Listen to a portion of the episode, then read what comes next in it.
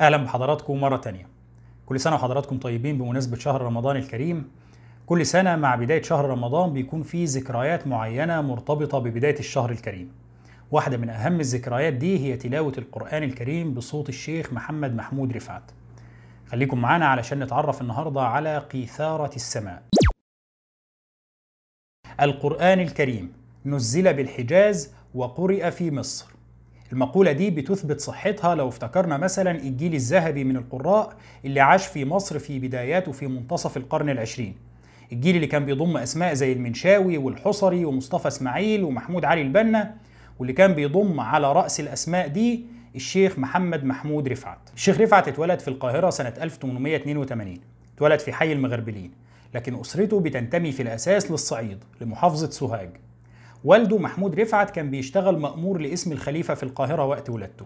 ولما اتولد له ابنه كان فرحان جدا بالابن الجميل اللي عينيه واسعة ولونها أخضر. ولكن عند عمر سنتين الابن اللي عينيه واسعة ولونها أخضر ده بيصاب بمرض في عينه. المرض ده بيتطور وبيجمع الأطباء على ضرورة إجراء عملية جراحية. العملية بيتم إجراءها بالفعل لكنها بتفشل. والطفل ده بيفقد بصره عند عمر أقل من ثلاث سنين. الأب بيقرر إن هو يدعم ابنه علشان يلتحق بالأزهر الشريف ويكون واحد من علماء الأزهر الشريف فيما بعد.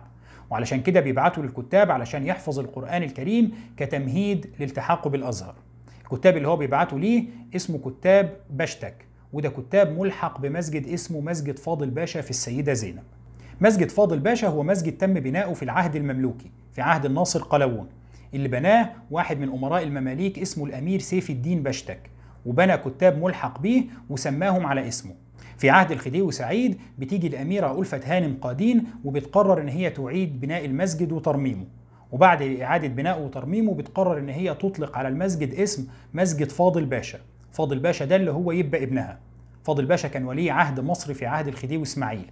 لكن فيما بعد لما تم تغيير نظام وراثة العرش في مصر وبقى حكر على أبناء إسماعيل خلاص فاضل باشا اتشال من ولاية العهد وفضل عايش في إسطنبول لحد ما مات. وبعد وفاته تم استرجاع رفاته من إسطنبول علشان يندفن في المسجد ده. في كتاب بشتك اللي هو الكتاب الملحق بمسجد فاضل باشا بتبدأ أولى خطوات الشيخ رفعت في دراسة العلوم الدينية.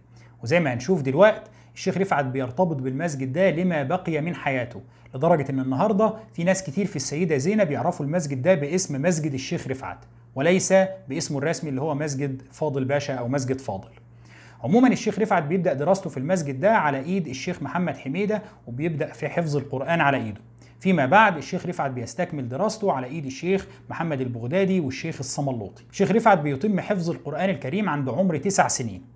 وبعدها بيدرس المقامات والتواشيح والإنشاد وبيتعلم العزف على آلة العود. فيما بعد الشيخ رفعت بيدرس القراءات السبع وبياخد إجازة من الشيخ عبد الفتاح الهنيدي اللي هو كان صاحب أعلى إسناد للقرآن الكريم في وقته. الشيخ رفعت في البداية كان والده عايزه يلتحق بالدراسة في الأزهر الشريف ويكون واحد من علماء الأزهر. وعلشان كده لما بيلتحق بالكتاب بيكون الهدف إن هو يحفظ القرآن كتمهيد لالتحاقه بالأزهر فيما بعد. ولكن مع مرور الوقت بيبدأ يظهر إنه الشيخ رفعت هيكون له مستقبل كبير جدا في مجال التلاوة. بالإضافة لكده عند عمر تسع سنين بمجرد الشيخ رفعت ما بيتم حفظ القرآن الكريم والده بيتوفى. وهنا الشيخ رفعت بيلاقي نفسه مسؤول عن أسرته مسؤول عن أمه وعن خالته وعن أخوه الصغير. وعلشان كده المسار اللي كان ماشي فيه بيتغير. وبدل ما يلتحق بالأزهر الشريف ويستكمل دراسته هناك بيبدأ يتجه لمجال التلاوة والإنشاد. الشيخ رفعت في البداية بيبدأ بقراءة القرآن الكريم في المآتم. بيروح أي عزا وبيقرأ هناك القرآن الكريم. ومع الوقت بتبدأ الموهبة بتاعته الناس تاخد بالها منها وبيبدأ يتعرف على كبار الأعلام من قراء القرآن الكريم في الوقت ده. واحدة في واحدة بيبدأ الاسم يتعرف أكتر وينطلب بالاسم وبيبدأ ينطلب كمان في أقاليم بعيدة عن القاهرة. عند عمر 15 سنة مجموعة من كبار القراء للقرآن الكريم بيتوسطوا للشيخ رفعت وبيحاولوا يشوفوا له وظيفة قارئ للقرآن الكريم في مسجد فاضل باشا. مسجد فاضل باشا اللي هو اتعلم في البداية في الكتاب بتاعه واللي هيرتبط بيه لما تبقى من حياته. بداية من سنة 1918 الشيخ رفعت كان هو القارئ الأساسي للقرآن الكريم في مسجد فاضل. في الوقت ده كان اتشهر جدا والناس بقوا يجوا من كل مكان علشان يسمعوا تلاوته للقرآن. وقتها اللي كان عايز يحضر تلاوة للقرآن الكريم للشيخ رفعت في مسجد فاضل كان لازم يجي قبل ميعاد الصلاة بساعتين على الأقل علشان يلحق مكان جوه المسجد وعلشان يسمع الشيخ رفعت وهو بيقرأ بنفسه. الشيخ رفعت استمر في قراءة القرآن الكريم في المآتم وفي المعازي لكنه كان مشهور إن هو لا يشترط أجر معين لقراءة القرآن في المآتم دي. يمكن من القصص المشهورة عن الشيخ رفعت إن في أسرة جابته علشان يقرأ القرآن في مأتم عندها وبعد ما انتهى المأتم ابن المتوفي كان مجهز في جيبه جنيه علشان يديه للشيخ رفعت. جنيه ده اللي هو يعادل في قيمته حاليا جنيه ذهب. لكن الابن اتلخبط وبدل ما يطلع الجنيه من جيبه طلع مليم وحطه في جيب الشيخ رفعت. الشيخ رفعت خده وروح وبعد كده ابن المتوفي اكتشف الغلطة اللي هو عاملها. فراح للشيخ رفعت في نفس الليلة وخبط على بيته وقال له لو سمحت أنا غلطت أنا اديتك مليم وده الجنيه اللي أنا كنت هديهولك. الشيخ رفعت رفض ياخد الجنيه وقال له يا ابني أنا رزقي وصلني خلاص. بتستمر مسيرة الشيخ رفعت لحد ما بتظهر الإذاعة. الحقيقة إن الإذاعة المصرية ما كانتش هي أول إذاعة تظهر في مصر ولكن سبقها في الظهور مجموعة من الإذاعات الصغيرة اللي كانوا بيسموها الإذاعات الأهلية. الشيخ رفعت بيظهر في الإذاعات الأهلية دي علشان ينشد بعض القصائد بصوته. في الوقت ده الشيخ رفعت ما بيقراش قرآن في الإذاعة ولكنه بس بينشد بعض القصائد. من القصائد اللي بينشدها قصيدة زي أراك عصي الدمع لأبي فراس الحمداني وقصيدة تانية زي وحقك أنت المنى والطلب. القصيدة دي اللي كتبها الشيخ عبد الله الشبراوي شيخ الأزهر وأنشدتها فيما بعد أم كلثوم كمان بصوتها. بيستمر الشيخ رفعت في إنشاد القصائد في الإذاعات الأهلية لحد ما بيتم إنشاء الإذاعة المصرية. وهنا بيتواصلوا مع الشيخ رفعت وبيقولوا له عايزينك تقرأ قرآن في الإذاعة. الشيخ رفعت أول ما بيسمع الموضوع بيتخض. قرآن إيه يا جماعة اللي نقراه في الإذاعة. هو في حاجة اسمها كده؟ قالوا له أيوه عادي. قال لهم لا مش عادي. القرآن الكريم مقامه أكبر من كده. وبعدين يعني اقراه في الإذاعة إزاي؟ طب اللي هيسمعني ده هيكون طاهر ولا مش طاهر؟ طب اللي هيشيل الاسطوانات اللي هيبقى عليها الكلام ده هيكون طاهر؟ لا ما ينفعش. الموضوع ده يعني مش بالسهولة دي. فالشيخ رفعت بيطلب منهم وقت علشان يستفتي مشايخ الأزهر في الموضوع. وبالفعل بيستفتي مشايخ الأزهر وهنا الشيخ محمد الأحمدي الظواهري شيخ الأزهر في الوقت ده بيفتي بأنه ما فيهاش أي مشكلة ولا إثم عليك. بالعكس ده أنت كده بتوصل القرآن للناس كلها. وعلشان كده الشيخ رفعت بيوافق وبالفعل في 31 مايو سنة 1934 بيتم افتتاح الإذاعة المصرية بصوت الشيخ رفعت وبآيات من سورة الفتح. بعدها بيتم التعاقد مع الشيخ رفعت علشان يكون قارئ للقرآن الكريم في الإذاعة المصرية. علشان يقرأ القرآن الكريم مرتين أسبوعيا في الإذاعة المصرية. وبكده بيكون أول قارئ للقرآن الكريم تتعاقد معاه الإذاعة المصرية. الناس وقتها كانوا بيستنوا تلاوة الشيخ رفعت في كل مكان. الشيخ رفعت في الوقت ده كان بياخد عن تلاوة ساعة كاملة 3 جنيه أجر. الإذاعة ضعفت من شهرة الشيخ محمد رفعت جدا. يعني الناس كلها بقت تعرفه في كل مكان في مصر وفي كل مكان في العالم الإسلامي. ولكنها في المقابل سببت له برضه مشاكل كتيرة.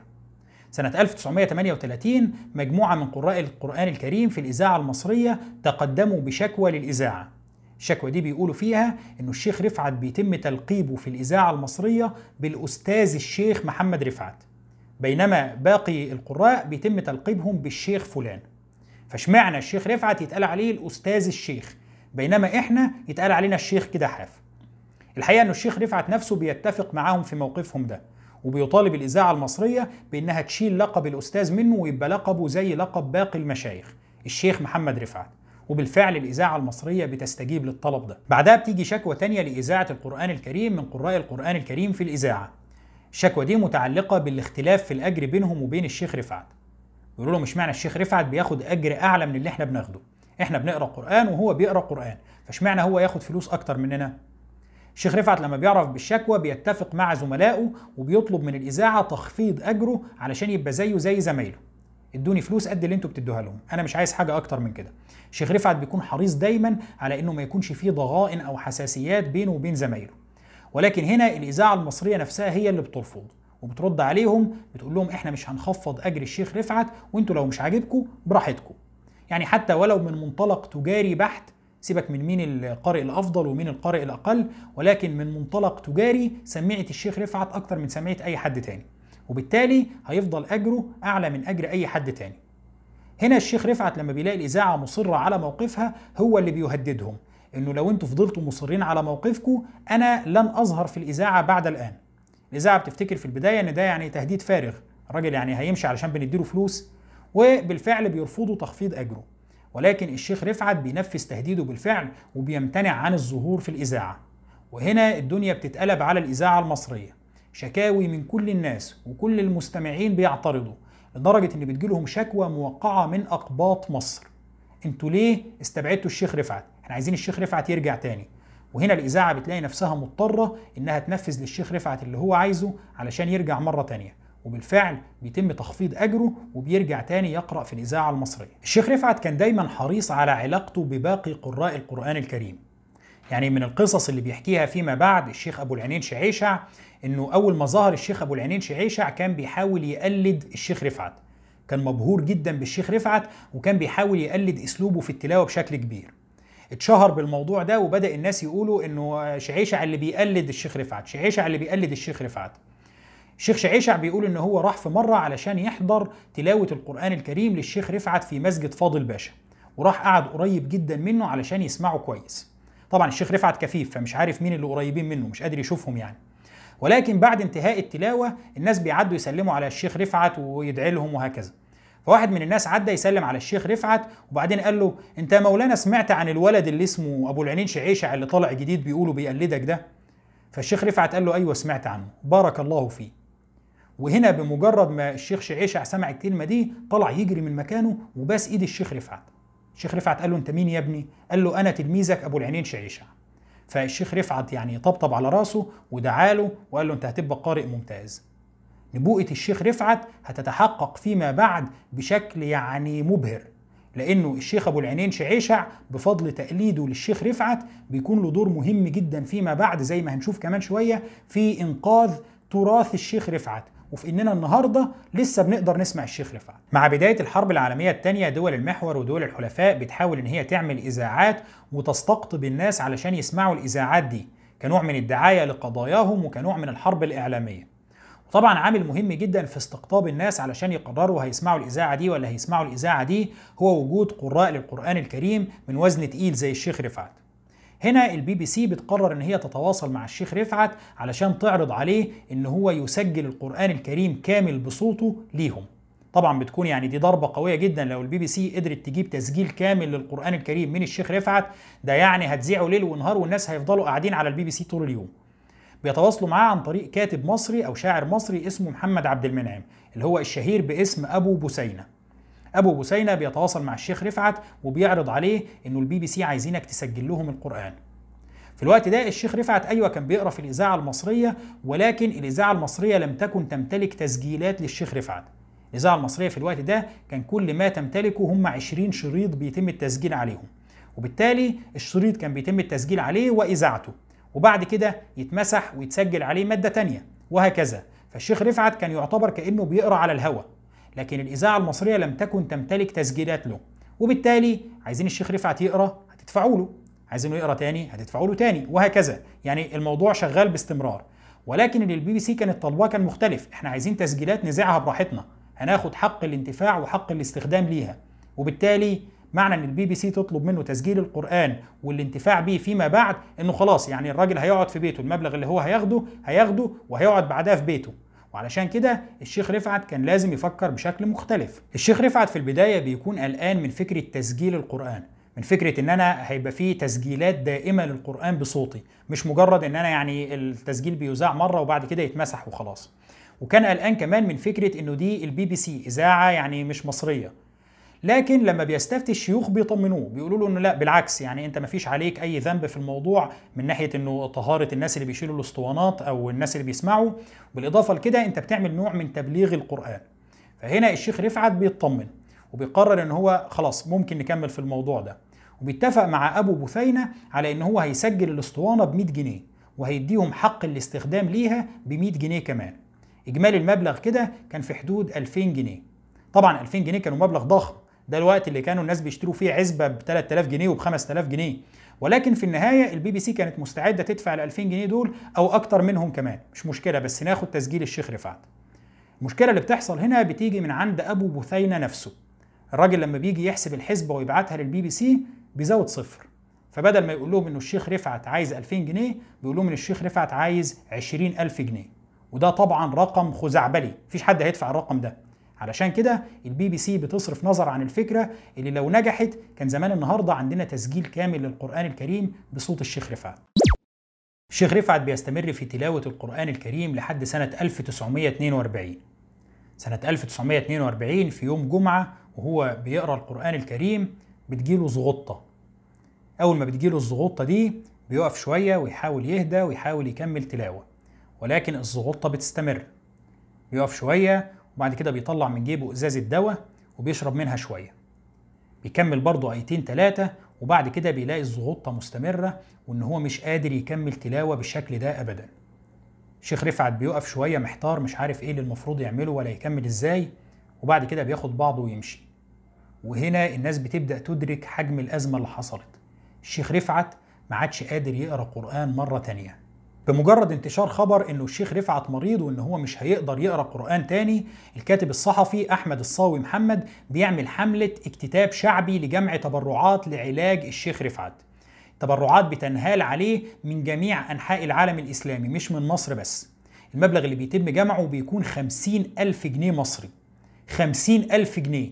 يعني الشيخ رفعت كان طالب 2000 جنيه علشان يسجل القرآن الكريم كله للبي بي سي. ولكن اللي بيتم جمعه لعلاج الشيخ رفعت بيكون خمسين ألف جنيه مصري. أحمد الصاوي محمد لما بيتواصل مع الشيخ رفعت علشان يديله المبلغ ده الشيخ رفعت بيرفض. يقول لهم أنا مش هاخد تبرعات. ده أمر الله وأنا راضي بيه لكن أنا مش واخد تبرعات من حد. وبيرفض تماما وبيظل الشيخ رفعت مريض من سنة 1942 لحد ما بيتوفاه الله سنة 1950 كان سهل جدا إنه الشيخ رفعت يتحول لأسطورة. وإن التراث بتاعه ده كله يفقد ويندثر. وإن إحنا يا دوب نسمع إنه كان في واحد أيام زمان تلاوته ممتازة وصوته ممتاز اسمه الشيخ رفعت. لكن ما كانش هيبقى عندنا مادة فعلا نسمعها له ما كانش هيبقى عندنا تسجيلات نسمعها له. لأنه الإذاعة المصرية لم تكن تحتفظ بتسجيلات. زي ما قلنا كان الأسطوانة بيتسجل عليها وبعد إذاعتها بتتمسح ويتسجل عليها حاجة تانية. وبالتالي ما كانش في أسطوانة عليها تلاوة الشيخ رفعت عند الإذاعة المصرية. وإنما اللي بيكون له الفضل الأكبر في إنقاذ تراث الشيخ رفعت هم محبيه. واحد من محبيه دول كان اسمه زكريا باشا مهران. زكريا باشا مهران كان واحد من أعيان محافظة أسيوط وكان من عشاق الشيخ رفعت. كان بيدعو الشيخ رفعت إن هو يسهر في بيته في أوقات كتيرة وكان بيسجل له على اسطوانات شمع بدائية. الشيخ رفعت كان بيتلو القرآن وزكريا باشا مهران يسجل التلاوة دي على اسطوانات بدائية من الشمع. زكريا باشا مهران استمر في التسجيل للشيخ رفعت لمدة تسع سنين. بعد مرض الشيخ رفعت وبعد ما رفض إن هو ياخد الخمسين ألف جنيه تبرعات زكريا باشا مهران بيقرر إن هو يحاول يساعده ولكن بطريقة لا تجرح كبرياء الشيخ وما تحسسهوش إن اللي هو بياخده ده منا من حد أو مساعدة من حد. الشيخ رفض مبلغ خمسين ألف جنيه لمجرد إنه ما ياخدش تبرعات. خلاص إحنا مش هنديله تبرعات. زكريا باشا مهران بيروح الإذاعة المصرية وبيعرض عليهم اسطوانات من اللي عنده. لهم الاسطوانات دي عليها تسجيلات للشيخ رفعت. وأنا عندي منها اسطوانات كتيرة جدا. إيه رأيكم؟ أنا هديكم الاسطوانات دي للإذاعة المصرية. استخدموها براحتكم. في مقابل إن أنتوا هتدفعوا عنها للشيخ 35 جنيه في الساعة. اشمعنى 35 جنيه في الساعة؟ 35 جنيه في الساعة ده كان أجر أم كلثوم. في الوقت ده كانت أم كلثوم بتاخد 35 جنيه في الساعة من الإذاعة المصرية. زكريا باشا مهران قال لهم هديلكم الاسطوانات بشرط إن أنتوا هتدوا له نفس الأجر اللي أنتوا بتدوا له ام كلثوم. ادوا له 35 جنيه في الساعة وخدوا الاسطوانات اللي عندي كلها. ولكن الإذاعة المصرية بتاخد واحد من أغبى القرارات في تاريخها. يعني كويس إنه التاريخ ما حفظلناش اسم المسؤول اللي كان اتخذ القرار ده علشان ما نتذكرهوش باللعنه كل مرة. ولكن عموما المسؤولين في الإذاعة المصرية بيرفضوا إن هم يشتروا الاسطوانات دي علشان شايفين إنه 35 جنيه كتير على الشيخ رفعت زكريا باشا مهران بيقول لهم طيب لو أنتم مش هتدفعوا ال 35 جنيه دي أنتم مش هتشوفوا ولا واحدة من الاسطوانات دي. وبياخد بعضه وبيمشي وبيقرر إنه أنا مش هدي ولا اسطوانة من دول للاذاعه المصرية. بيستمر الوضع بالشكل ده لحد ما بيموت زكريا باشا مهران وبيموت الشيخ رفعت نفسه. وهنا الإذاعة المصرية بتبدأ تاخد بالها من الكارثة اللي هي فيها. إحنا عندنا الشيخ رفعت وما عندناش ولا تسجيل له. إحنا الشيخ رفعت كان بيقرأ في الإذاعة المصرية وتم افتتاح الإذاعة المصرية بصوته ولكن إحنا يعني اتكبرنا على موضوع إن إحنا نشتري الأسطوانة بتاعته ب 35 جنيه للساعة. وهنا الإذاعة المصرية بتعلن عن مكافأة قدرها 100 جنيه للي يقدم اسطوانة واحدة بس للشيخ رفعت. اللي يجيب اسطوانة هياخد 100 جنيه. ولكن زكريا باشا مهران بيكون مات وعلشان كده مراته ما بتكونش عارفة إن الاسطوانات دي موجودة. الوضع بيستمر كده لحد ما زوجة أو أرملة زكريا باشا مهران بتقرر إن هي تنقل من الشقة اللي هي فيها.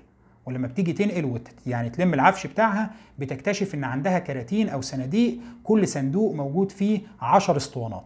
عدد الصناديق دي 22 صندوق. يعني عندها 220 اسطوانة. كل اسطوانة والتانية محطوط بينهم ورقة سلوفان للحفظ ويعني كانت متغلفة بشكل ممتاز. الست بتشك إن الاسطوانات دي تكون للشيخ رفعت لأن هي طبعا عارفة مدى عشق زوجها الراحل للشيخ رفعت. وهنا بتبعت لأولاد الشيخ رفعت تقول لهم أنا عندي اسطوانات ممكن تكون بتاعه أبوكم. تعالوا شوفوها. بالفعل بيتم التأكد من إن الاسطوانات دي للشيخ رفعت وهنا بيتم تسليمها للإذاعة المصرية. عشاق الشيخ رفعت بينجحوا في تجميع 278 اسطوانة. منهم 220 اسطوانة من عند زكريا باشا مهران والباقي من باقي عشاق الشيخ رفعت في كل مكان. إجمالي مدة الاسطوانات دي 21 ساعة من التلاوة. بيتلو فيها 19 سورة من سور القرآن الكريم. أغلب الاسطوانات دي تم تسجيلها بأجهزة تسجيل بدائية متسجله على اسطوانات شمع. وعلشان كده لما تم نقل التسجيلات دي لتسجيلات حديثة دايما صوت الشيخ رفعت فيه خروشة. الخلفية مش نقية لأنه في البداية لما تم التسجيل تم التسجيل بشكل بدائي جدا. لما الإذاعة المصرية جمعت اسطوانات الشيخ رفعت وحاولت إن هي تنقلها لاسطوانات أحدث وإن هي تذيعها لمحبي وعشاق الشيخ في كل مكان اكتشفوا مشكلة كبيرة بتواجههم. المشكلة دي هي إنه التسجيلات للشيخ رفعت تمت في الأساس على اسطوانات صغيرة. اسطوانات بدائية كانت مدة الاسطوانة تقريبا 3 دقائق وبالتالي كانت الاسطوانة بتسجل 3 دقائق للشيخ وبعد كده لازم نوقف جهاز التسجيل علشان نغير الاسطوانة دي. اللحظات اللي كان بيقف فيها جهاز التسجيل كان الشيخ رفعت بيستمر في التلاوة. وبالتالي بقى عندنا اسطوانات كتير لكن بين كل اسطوانة والتانية في آيتين ثلاثة ساقطين.